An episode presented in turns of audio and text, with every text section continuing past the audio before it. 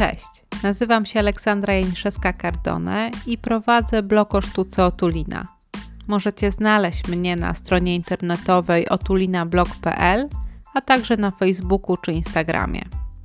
Na co dzień pracuję jako kustoszka w Muzeum Narodowym w Warszawie i zajmuję się popularyzacją wiedzy o sztuce.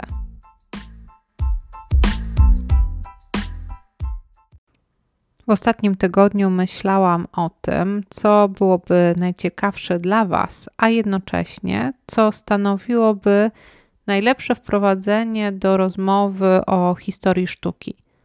I mój wybór padł na pojęcie kanonu, które na pewno jest Wam znane, ale myślę, że warto byłoby się przyjrzeć, co się pod nim kryje. Definicja słownikowa mówi nam, że kanon to ogólnie przyjęta w danej epoce norma, na przykład etyczna lub estetyczna. I rzeczywiście mm, w historii sztuki możemy znaleźć potwierdzenie właśnie tak rozumianego kanonu. I tutaj dla nas e, chyba najbardziej um, ciekawe są kanony przyjęte głównie w czasach antycznych, e, czyli kanony, które opierały się na matematycznym wyliczaniu proporcji, polegającym na przyjęciu pewnego modułu. I te kanony mogły być zarówno używane w rzeźbie, jak i w architekturze, i składają się one później na efekt estetyczne dzieła.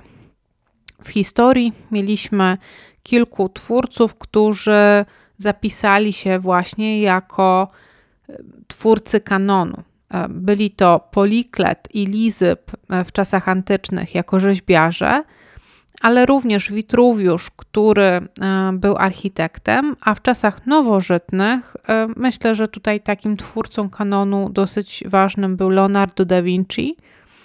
I w czasach takich zupełnie nowszych to Le Corbusier i jego złoty podział. Są to jednak kanony mm, bardziej wymierne i takie, które opierają się na sposobie tworzenia, odzwierciedlania rzeczywistości.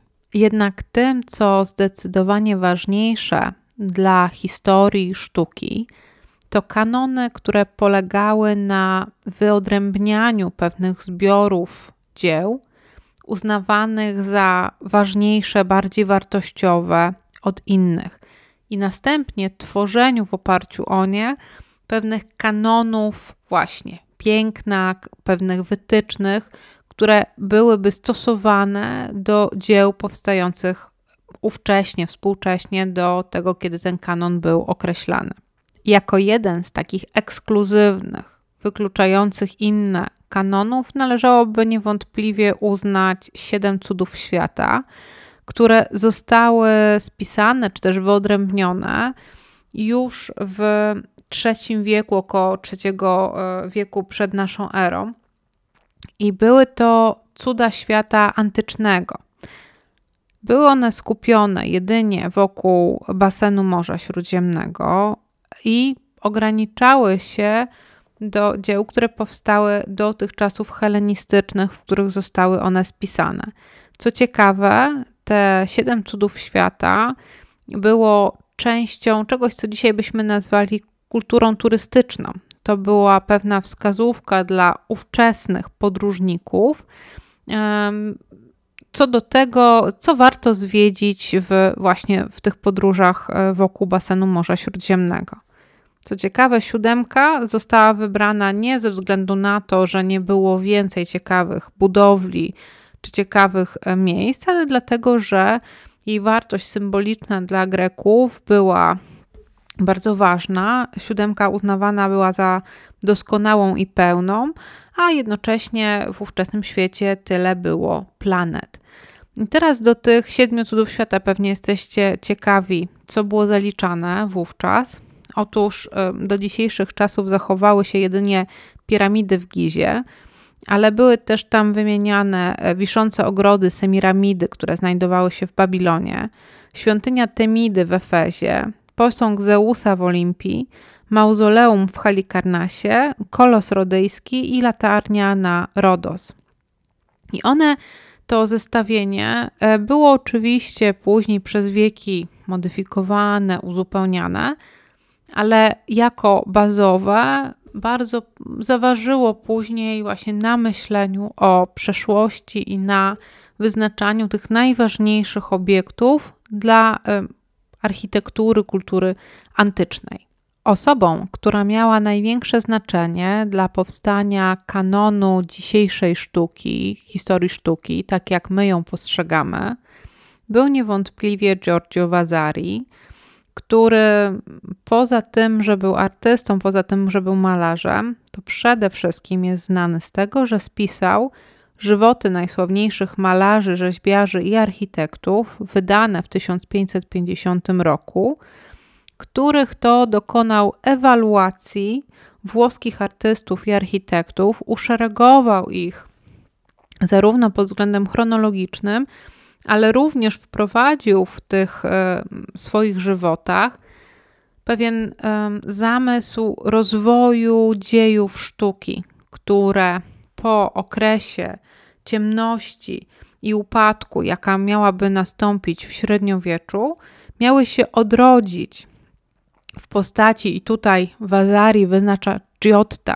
jako tego, który odrodził wartości sztuki antyku i ten rozwój sztuki na nowo, znowu pędu do jej e, uzyskania przez nią najwyższych wartości, umiejscowił Vasari w Toskanii. Tak się składa, że był on związany z rodem Medyceuszy, w związku z czym Florencja tutaj stanowi mm, w pewnym sensie taki mm, miejsce, gdzie właśnie sztuka się odradza, gdzie wybucha ona na nowo. To bardzo mm, ciekawe, bo pokazuje nam to też prywatne, indywidualne e, zainteresowania Wazariego, któremu zależało na tym, ażeby wypromować zarówno artystów toskańskich, ale i przy okazji mecenat Medyceuszy, który między innymi obejmował Michała Anioła. I tak wizja, którą zaproponował Wazari, rozwoju sztuki, e, która osiąga swój pełen rozkwit w postaci twórczości trzech wielkich artystów Rafaela, Leonarda da Vinci i Michała Anioła, pokutuje w nas do dziś.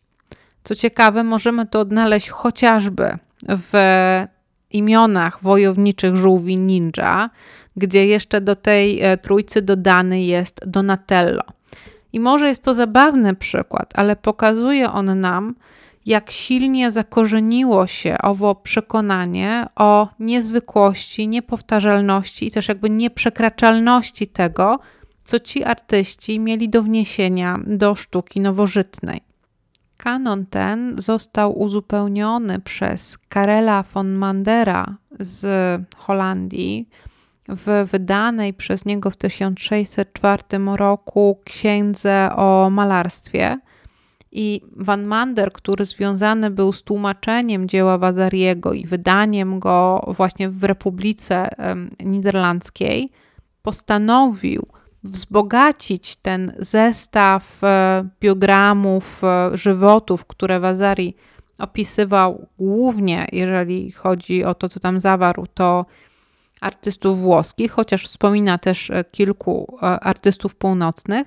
Van Mander chciał jednak dołączyć tam większą liczbę artystów niderlandzkich, którzy byli mu również współcześni. I tym samym zbudował kanon nazwisk twórców e, tworzących no, do tego 1604 roku, którzy w jego przekonaniu warci byli tego, ażeby uwiecznić o nich pamięć. W ten sposób, dzięki twórczości tych dwóch pisarzy, powstał kanon, którym badacze kierują się do dziś, a przede wszystkim jest on silnie zakorzeniony w naszej współczesnej świadomości. My wszyscy przekonani jesteśmy, jeśli ktoś zapytałby nas e, na ulicy o najważniejszy okres w dziejach rozwoju sztuki, niewątpliwie najpierw padłoby określenie renesans, nawet jeśli nikt z Was nie jest specjalnym miłośnikiem sztuki renesansu, może też e, niewiele nazwisk potrafiłby wymienić, ale mm, fakt, że Wazari na początku, a później wszyscy inni Teoretycy sztuki podkreślali wielkość artystów renesansowych, a także ich dążenie do odtworzenia wielkości sztuki antyku, sprawia, że bardzo silnie zakorzeniło się to właśnie w publicznej wyobraźni, w publicznych przekonaniach. Bardzo ważnym graczem w rozwoju kanonu były również akademie. Akademie były stosunkowo nowym wynalazkiem, ponieważ e, zaczęły być zakładane dopiero po połowie XVI wieku.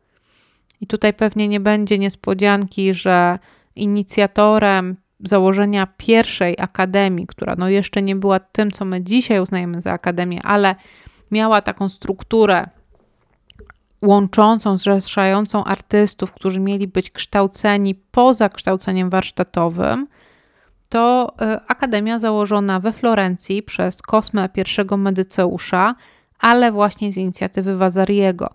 Czyli ta myśl Wazariego, najpierw stworzenie pewnej promocji artystów toskańskich, promocji wizji tego, że sztuka odradza się właśnie tam, odradza się właśnie we Florencji, przełożyło się na zorganizowanie pewnego miejsca, pewnej instytucji, która miała wpływać na dalsze kształtowanie się, czy też na kształcenie artystów współczesnych.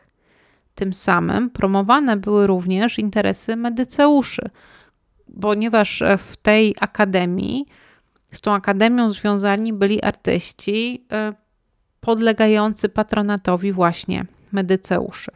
Założenie Akademii we Florencji spowodowało, że również w innych miejscach zaczęły powstawać podobne instytucje.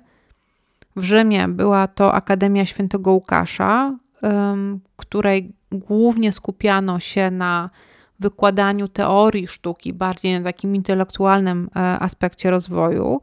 Z kolei w Bolonii Annibale Carracci w 1582 roku otworzył tak zwaną akademię, która może nie do końca różniła się sposobem organizacji od warsztatu artystycznego. Niemniej miała ona również e, olbrzymi wpływ na to, jaki rodzaj sztuki powstawał, jaki był promowany. I wszystkie one, te wymienione przeze mnie akademie, łącznie z akademią, która powstała pół dekady później, mianowicie w 1640 roku w Paryżu, ich naczelną zasadą było promowanie najwyższej wartości pokładanej w antyku, w architekturze, w rzeźbach antycznych i naśladowanie ich w powstającej wówczas twórczości. Jednym z podstawowych elementów takiej nauki na akademii było rysowanie rzeźb antycznych, szkicowanie rzeźb antycznych. Miało to mieć szerokie zastosowanie. Nauka um, rysowania rzeźby ludzkiego ciała, nomen omen. Jednocześnie zapoznawanie się z najważniejszymi rzeźbami właśnie okresu antyku. I co ciekawe, te rzeźby nie były przecież szkicowane z oryginału, bo niemożliwe byłoby przetransportowanie tych wszystkich dzieł akurat tam, gdzie działali artyści, plus były one również e, no, mało dostępne w niektórych przypadkach albo jedynie w jednym egzemplarzu, to narodziło się wówczas powszechne stosowanie odlewów gipsowych owych rzeźb antycznych, które następnie były zbierane właśnie w akademiach i dzięki temu mogły być one studiowane przez artystów. Akademie przyczyniły się również do wprowadzenia nowych kanonów, czy też skanonizowania pewnych zasad, które później były stosowane. Między innymi pojawia się tutaj hierarchia gatunków malarskich, e, wyznaczająca stopień ważności danego dzieła w takiej jego um, ważności, uznania, czyli to, co o co właściwie chodzi w kanonie, czyli wyznaczenie takiej grupy dzieł, które są warte uwagi widza, warte od, uwagi odbiorcy i postawienie ich ponad tymi, które no, z jakichś powodów do tego kanonu nie zostały zakwalifikowane.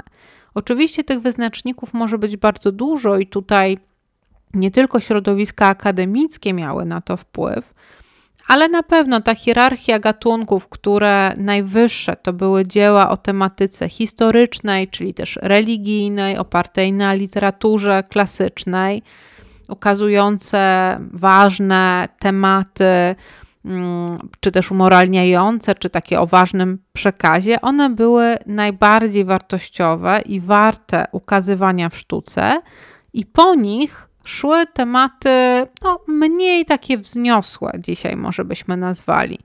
Mniej ceniony był pejzaż, następnie portret, malarstwo rodzajowe, martwe natury. One były takim zajęciem, oczywiście no, przez odbiorców mile widzianym, ale Dziś chyba moglibyśmy to określić jako mianem użytkowego. No, tak jak tutaj mamy w przypadku chociażby portretu, portret każdy zamożny mógł sobie zamówić, ale nie oznacza to, że artysta mm, posługiwał się jakimś specjalnym artyzmem przy tworzeniu tych portretów. I tutaj uwaga, to co mówię nie jest moim prywatnym zdaniem, tylko wynika właśnie z owej hierarchizacji gatunków malarskich, a jednocześnie, jeżeli była w Was taka zgoda trochę na to, co mówiłam, to też oznacza to, że to przesiąka znowu do opinii powszechnie przyjętej. Akademie mają też niechlubne miejsce w wykluczeniu kobiet z tworzenia sztuki, ponieważ nie były one przyjmowane do akademii, głównie ze względu na to, że uważano, że studiowanie chociażby nagich torsów antycznych miałoby w jakiś sposób je no, sprowadzić z drogi cnoty. Ale prawdopodobnie też uznawano, że kobiety po prostu się nie nadają do nie tylko zasiadania na salach e, akademickich, ale również do później zajmowania miejsca w ciałach doradczych. Jest to jednym z powodów, dla których dzisiaj zadawane wciąż jest pytanie, dlaczego nie było kobiet, malarek. Oczywiście mówimy tutaj o szerszym pojęciu i o tym, że kobiety po prostu nie, nie miały takich samych szans na rozwój kariery, pomimo wielu chwalebnych wyjątków od tej reguły ale akademie nie były homogenicznym środowiskiem, gdzie wszyscy się zgadzali co do reguł, jakimi powinien kierować się kanon wykształcenia akademickiego. Znane są przykłady konfliktów pomiędzy zwolennikami wartości kolorystycznych w kompozycjach i ich ważności w odbiorze dzieła w efekcie estetycznym i później oceniania ich, z stronnictwem, które uznawało, że to rysunek, że to forma, że to mm, sposób ukazywania, właśnie taki linearny, perspektywiczny, jest tym, co wyznacza wartość dzieła, tym, co jest ważniejsze. I tutaj na przestrzeni wieków były to spory między zwolennikami Rubensa a Poussena na przykład, a później między zwolennikami Engra i e, Delacroix. Zatem możemy zobaczyć, że kanon, pomimo że wydaje się być taką monolityczną konstrukcją, która raz na zawsze wyznacza pewien zespół cech czy dzieł jako tych, które są ważne, nagle się okazuje, że on też jest negocjowalny i że on też jest wytwarzany. Tutaj ważne jest to, że on, kanon często był zależny od wartości, jakie były uznawane w danej epoce. Jednocześnie bardzo długo w kanonie zyskiwały miejsce na najwyższych pozycjach. Te dzieła, które nawiązywały do antyku, czyli wszelkie klasycyzujące formy, a jednocześnie te, które e, odnosiły się do tematów z historii, mitologii czy e, z literatury właśnie antycznej. Ale zdarzały się również e, powroty, tak jak było w przypadku średniowiecza, które przekreślone przez Wazariego jako okres ciemności. Nie bez kozery mówimy o tych mrocznych wiekach średniowiecza wciąż i wciąż jest to powtarzane gdzieś e, w takim ogólnym opisie. Natomiast e, w czasach e, w XIX wieku, na przykład e, w Anglii wiktoriańskiej, ta wartość średniowiecznej architektury, średniowiecznej sztuki została ponownie rozpoznana i przywrócona jako coś bardzo ważnego zarówno z punktu widzenia historycznego dla Anglików, ale również z punktu widzenia tego, co artyści ówcześni mogą wynieść z różnego rodzaju rozwiązań estetycznych czy ideowych i wprowadzić to do sztuki współczesnej. Pewnie już na tym etapie możecie się zastanawiać, co to dla Was właściwie oznacza, te rozważania o kanonie.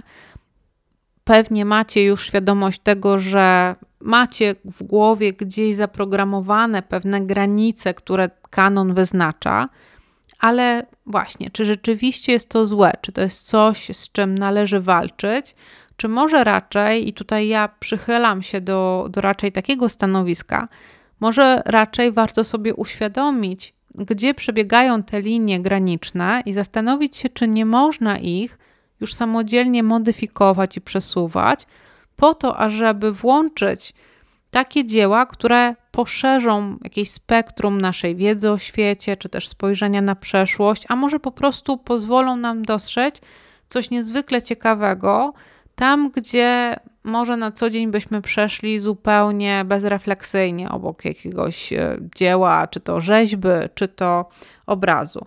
I wydaje mi się, że w dzisiejszych czasach e, to muzea mają bardzo duży wpływ na to, co oglądamy, co widzimy, jak na to patrzymy. Też budują po prostu opowieść poprzez to, co jest pokazywane na wystawach, czy to na tymczasowych, czy to na wystawach stałych. Można powiedzieć, że kanon powstał z pewnych snobistycznych postaw, które wykluczały wszystko, co było inne, co nie pasowało do na przykład wzorca antycznego, wszystko, co było bardzo trudne do zdefiniowania, wpisania w obowiązujące wówczas reguły. Niemniej jednak jest on też niezwykle przydatny dla odbiorców. No bo przede wszystkim dla osoby, która nie ma własnych narzędzi krytycznych czy własnego doświadczenia, które pozwalałoby jej, jemu na obcowanie ze sztuką w taki sposób, żeby rozpoznawać samodzielnie jej wartość, jej znaczenie, umieszczać ją w jakiejś większej opowieści, to kanon na pewno e, pomaga w doborze dzieł, które warto, na które warto spojrzeć e, z jakiejś olbrzymiej masy. Więc to jest na pewno niezwykła pomoc. Po drugie, kanon pozwala też y, uporządkować wiedzę o tym, co wokół, czyli kiedy wchodzimy do jakiejś kolekcji w muzeum, albo w ogóle kiedy chcemy czegoś się dowiedzieć o historii sztuki, Dobrze jest zacząć od dzieł najważniejszych, to znaczy takich, które przez kogoś zostały wskazane jako najważniejsze, warto od nich zacząć, ażeby zbudować sobie pewną siatkę pojęć, ażeby móc później samemu ewentualnie coś do niej dokładać. I taki kanon pomaga też nam w ocenie um, owych dzieł, z, też w rozpoznaniu ich wartości. Ale jest to miecz obosieczny, ponieważ jeśli zbytnio zaufamy kanonowi, to jednocześnie zamykamy się na to, co jeszcze możemy wynieść z dzieł, na nowe wartości, na to, co jest otwierające pewne horyzonty myślowe. Dlatego warto również szukać rzeczy, które są poza kanonem. Inaczej możemy przejść obojętnie obok dzieł, które choć są pokazywane w muzeum, to nie mają takiej celebryckiej etykietki i poprzez to umykają naszemu wzrokowi. Natomiast muzea pomagają nam, pomagają widzom i oferują pomoc, mm, chociażby przez to, że nie dość, że eksponują takie mniej znane dzieła, ale też pomagają zrozumieć ich potencjał, na przykład poprzez opisy, które towarzyszą e, tym dziełom. I tutaj też zachęcam zawsze do, do czytania ich, a jednocześnie do zwracania uwagi na obrazy, które mogłyby się nam wydać zupełnie nudne i nijakie, ale przecież z jakiegoś powodu są one pokazane na tej ekspozycji. I naprawdę tutaj bardzo wiele zależy od wyboru, oczywiście, którego dokonali kuratorzy wystaw, ale ym, kierując się tą ścieżką, czy też tymi ich typami, warto czasem przystanąć przed dziełem, które mimowolnie moglibyśmy pominąć. I tutaj chciałam na zakończenie, jako przykład, przyjrzeć się portretowi, który znajduje się w Rijksmuseum i jest namalowany przez Jakoba Janszona Koemana. Przede wszystkim, dlaczego moglibyście pominąć to dzieło, kiedy oglądacie wielką kolekcję Rijksmuseum? Po pierwsze, nie jest to dzieło z kanonu, tego, który nam się najbardziej kojarzy z Złotym Wiekiem Holenderskim. Nie znamy go, nie widzieliśmy go nigdzie wcześniej. Po drugie, jest to ewidentnie portret, w związku z czym brakuje w nim historii, brakuje w nim opowieści, co do której moglibyśmy się zaczepić. Autor jest e, szerzej nieznanym e, artystą, jego nazwisko nic nam nie mówi. Tak samo jak nie mówią nam też nic nazwiska osób, które są sportretowane. Zatem dla kanonu, jeżeli kierujemy się wyborem e, kanonu, to jest to całkowicie marginalne dzieło. Jednak, jeśli przy nim przystaniemy, i przeczytamy krótki opis, który prawdopodobnie mu towarzyszy, albo i nie, możemy sami poszukać tych informacji, ponieważ mamy podane nazwiska tych osób, to pod nudną formułą portretu może się pojawić wiele nieoczekiwanych, a może nawet i niewygodnych treści. Ten portret przedstawia Petera Knolla wraz z jego żoną, Cornelią van e, Nevenrode. Para ta ukazana jest w bardzo dekoracyjnych strojach w swojej podmiejskiej rezydencji. Widzimy ich w towarzystwie dwóch córek, a także dwójki służących. Rezydencja ma taki otwierający się na morze taras, i tam ustawione są postacie, a w tle widzimy górzyste wybrzeże to, co możemy wiedzieć o tym obrazie, to, co nam on oferuje, kiedy pogrzebiemy troszkę w internecie, pogrzebiemy trochę w informacjach, to historia rozwoju kompanii wschodnioindyjskiej, która miała swoją stolicę w obecnej Dżakarcie, wówczas nazywającej się Batavia. Postać mężczyzny tutaj sportretowanego, Petera Knolla, była bardzo ważna dla owej kompanii, ponieważ był on jednym z zarządzającym finansami właśnie kompanii tam. W związku z tym zdobył olbrzymie bogactwo, a jednocześnie żona, która mu towarzyszy, Cornelia, też jest niezwykle barwną osobowością i ich związek opowiada historię relacji Holendrów z właśnie odległymi koloniami, z którymi łączyły ich nie tylko interesy handlowe, ale również miały one duży wpływ na życie swoich obywateli. Kornelia pochodziła z mieszanego związku Holendra, który był także członkiem zarządu kompanii zachodnioindyjskiej, tylko że na placówce w Japonii, i posiadał on dwie konkubiny, gejsze japońskie, z którymi posiadał dwie córki. Jedną z nich była właśnie Kornelia. Tak się jednak złożyło, że po śmierci ojca mm, musiała ona wyjechać z Japonii, pomimo tego, że jej matka wciąż żyła, ponieważ ojciec, który zapisał jej też e, całkiem pokaźny spadek, zastrzegł, że Kornelia ma być wychowana w wierze chrześcijańskiej. Tutaj jest też bardzo ciekawa społeczna historia wiążąca się z mieszanymi związkami między Holendrami, Europejczykami, a mieszkańcami dalekiej Azji, czy też innych um, krain, które no, nie były europejskie. Otóż nie były dozwolone małżeństwa mieszane. Mogły być związki takie nieformalne, właśnie jak w przypadku ojca Korneli i jej matki, natomiast e, nie mogły być one zalegalizowane. Dlatego też Kornelia została wywieziona z Japonii, przewieziona do Batawii jako tego miejsca, właśnie jako stolicy w zasadzie holenderskich Indii Wschodnich.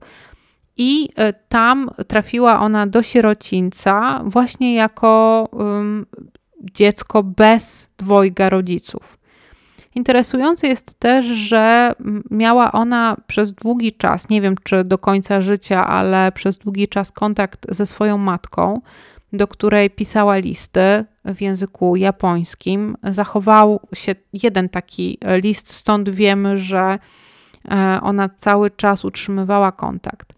Natomiast oglądamy ją tutaj jeszcze jako żonę Petera Knola. Miała z nim gromadkę dzieci, z których e, przeżyło tylko jedno do e, dorosłości, a po jego śmierci odziedziczyła całkiem pokaźną fortunę, miała też możliwość zarządzania jego interesami handlowymi. Niestety podjęła pochopną decyzję ponownego wyjścia za mąż i to raczej ze względów praktycznych, ponieważ jej przyszły małżonek był prawnikiem i myślała, że będzie on w stanie jej pomóc rozwiązywać kolejne problemy prawne związane właśnie z zarządzaniem tym dużym biznesem.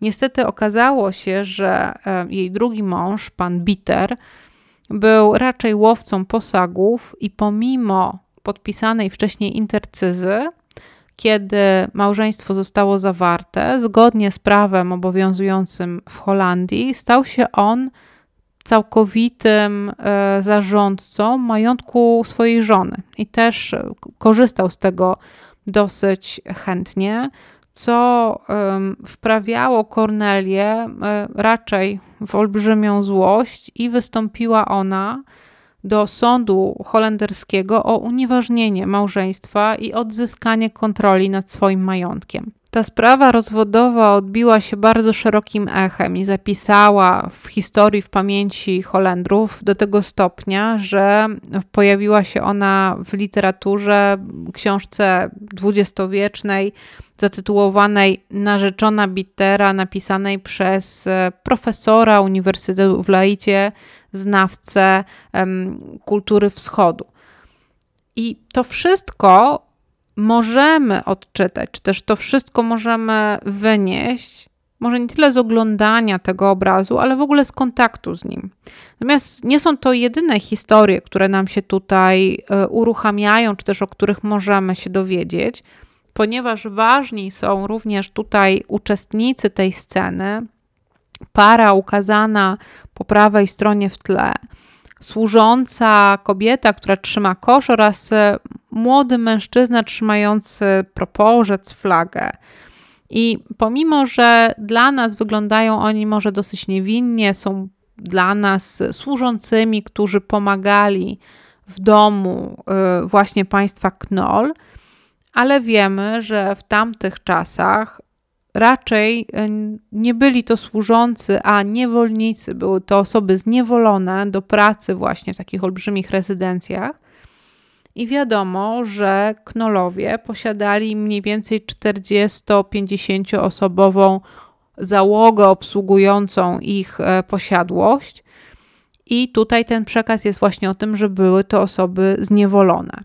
Oczywiście zdaję sobie sprawę z tego, że sami nie jesteście w stanie, ja też nie jestem w stanie wymyślić tych wszystkich historii, zobaczyć je od, tylko od samego patrzenia na obraz. Ale właśnie dlatego, tak jak wspominałam na początku, obrazy są opatrywane szerszymi opisami, e, są wytłumaczone w ramach nowego kontekstu. Natomiast tutaj się pojawia znowu rola muzeów, rola kuratorów czy też kustoszy, którzy nie dość, że docierają do nowych informacji o obrazach, które są w ich posiadaniu, to znaczy w posiadaniu muzeów, ale również decydują się na wprowadzenie tych nowych informacji do wiedzy powszechnej o danych dziełach, poszerzając tym samym kanon czasami o dzieła nowe, wprowadzane, ale też poszerzając naszą wiedzę o obrazach, które na przykład do tej pory były analizowane jedynie ze względów formalnych. I tutaj takim e, ciekawym przykładem już na zakończenie jest para portretów namalowanych przez Rembrandta, Martina Zolmansa i jego żony Opie, które mm, w takiej głośnej atmosferze zostały kilka lat temu wspólnie zakupione przez Rijksmuseum i Louvre w Paryżu, które zawsze no, były analizowane jako największe e, portrety w dorobku Rembrandta, ponieważ one mają ponad 2 metry wysokości, ukazujące postać pełnopostaciowo, co również jest pewnym nowum, jeżeli chodzi o portrety malowane przez Rembrandta. Natomiast wystawa, która e, ostatnio była w Rijksmuseum, wystawa dotycząca niewolnictwa i badania nad obrazami właśnie również z kolekcji Rijksmuseum, pozwoliły odkryć czy też no, wskazać na to, że rodzina e, Martena Solmansa czerpała swoją fortunę z produkcji cukru, z rafinerii cukru, która znajdowała się w Amsterdamie, a nie jest żadną tajemnicą fakt, że zarówno uprawa cukru, jak i jego później e, właśnie uzyskiwanie, pozyskiwanie z trzciny cukrowej opierało się na niewolniczej pracy osób sprowadzanych z Afryki, przewożonych albo do kolonii e, w Brazylii, albo do Surinamu. I tam y, największa, najcięższa praca y, bezpłatnie, w pewnym y, bardzo ważnym aspekcie, była bezpłatnie uzyskiwana. I teraz nie chodzi o to, żeby ta wiedza przekreślała zupełnie wartość dzieła, na które patrzymy, raczej odwrotnie. To znaczy, dzięki temu, że wiemy, jak zostały pozyskane pieniądze przez rodzinę Martena, ale również jego żony, możemy zobaczyć, czy też rozpoznać, e, skąd wzięły się pieniądze, zarówno na przebogate stroje, w które są oni ubrani, jak również na te obrazy, które których wielkość wskazuje na e, naprawdę ich kosztowność, ponieważ e, portrety były wyceniane również względem ich e, wielkości, względem ich rozmiarów. Ale co jeszcze nie powinno umknąć naszej um, uwadze, to fakt, że tak wielki portret musiał wisieć w naprawdę bardzo wysokim miejscu. A zatem mamy jednocześnie wskazówkę o tym, jak wielką rezydencję posiadali właśnie Solmansowie i że te portrety musiały tam e, się mieścić, no i też sprawiać dobre wrażenie, tak? Więc to musiała być naprawdę wielka sala. I ta drobna informacja o źródłach dochodu rodziny Solmansów pozwala nam szerzej zrozumieć ich bogactwo i to, z czego ono wynikało. Mam nadzieję, że spodobał Wam się nasz dzisiejszy odcinek. Był trochę bardziej może teoretyczny, ale mam nadzieję, że to nie szkodzi. Jestem ciekawa Waszych opinii i zapraszam Was do umieszczania ich pod postem na Facebooku, który będzie promował ten podcast na mojej y, stronie facebookowej Otulina Aleksandra Janiszewska o sztuce. Będzie mi niezwykle miło, jeżeli e, napiszecie mi, co myślicie, o czym chcielibyście jeszcze posłuchać i może mm, jakie kierunki warto, żebym podjęła w następnych odcinkach. Do usłyszenia za tydzień w piątek.